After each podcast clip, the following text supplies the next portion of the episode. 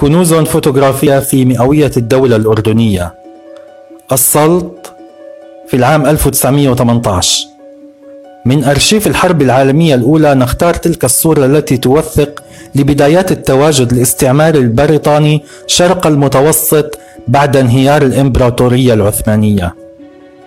يظهر في الصورة عدد من الجنود البريطانيين والأستراليين وسط مدينة السلط وفي قلبها التاريخي الذي تظهر بعض أبرز معالمه كساحة العين وكنيسة اللاتين.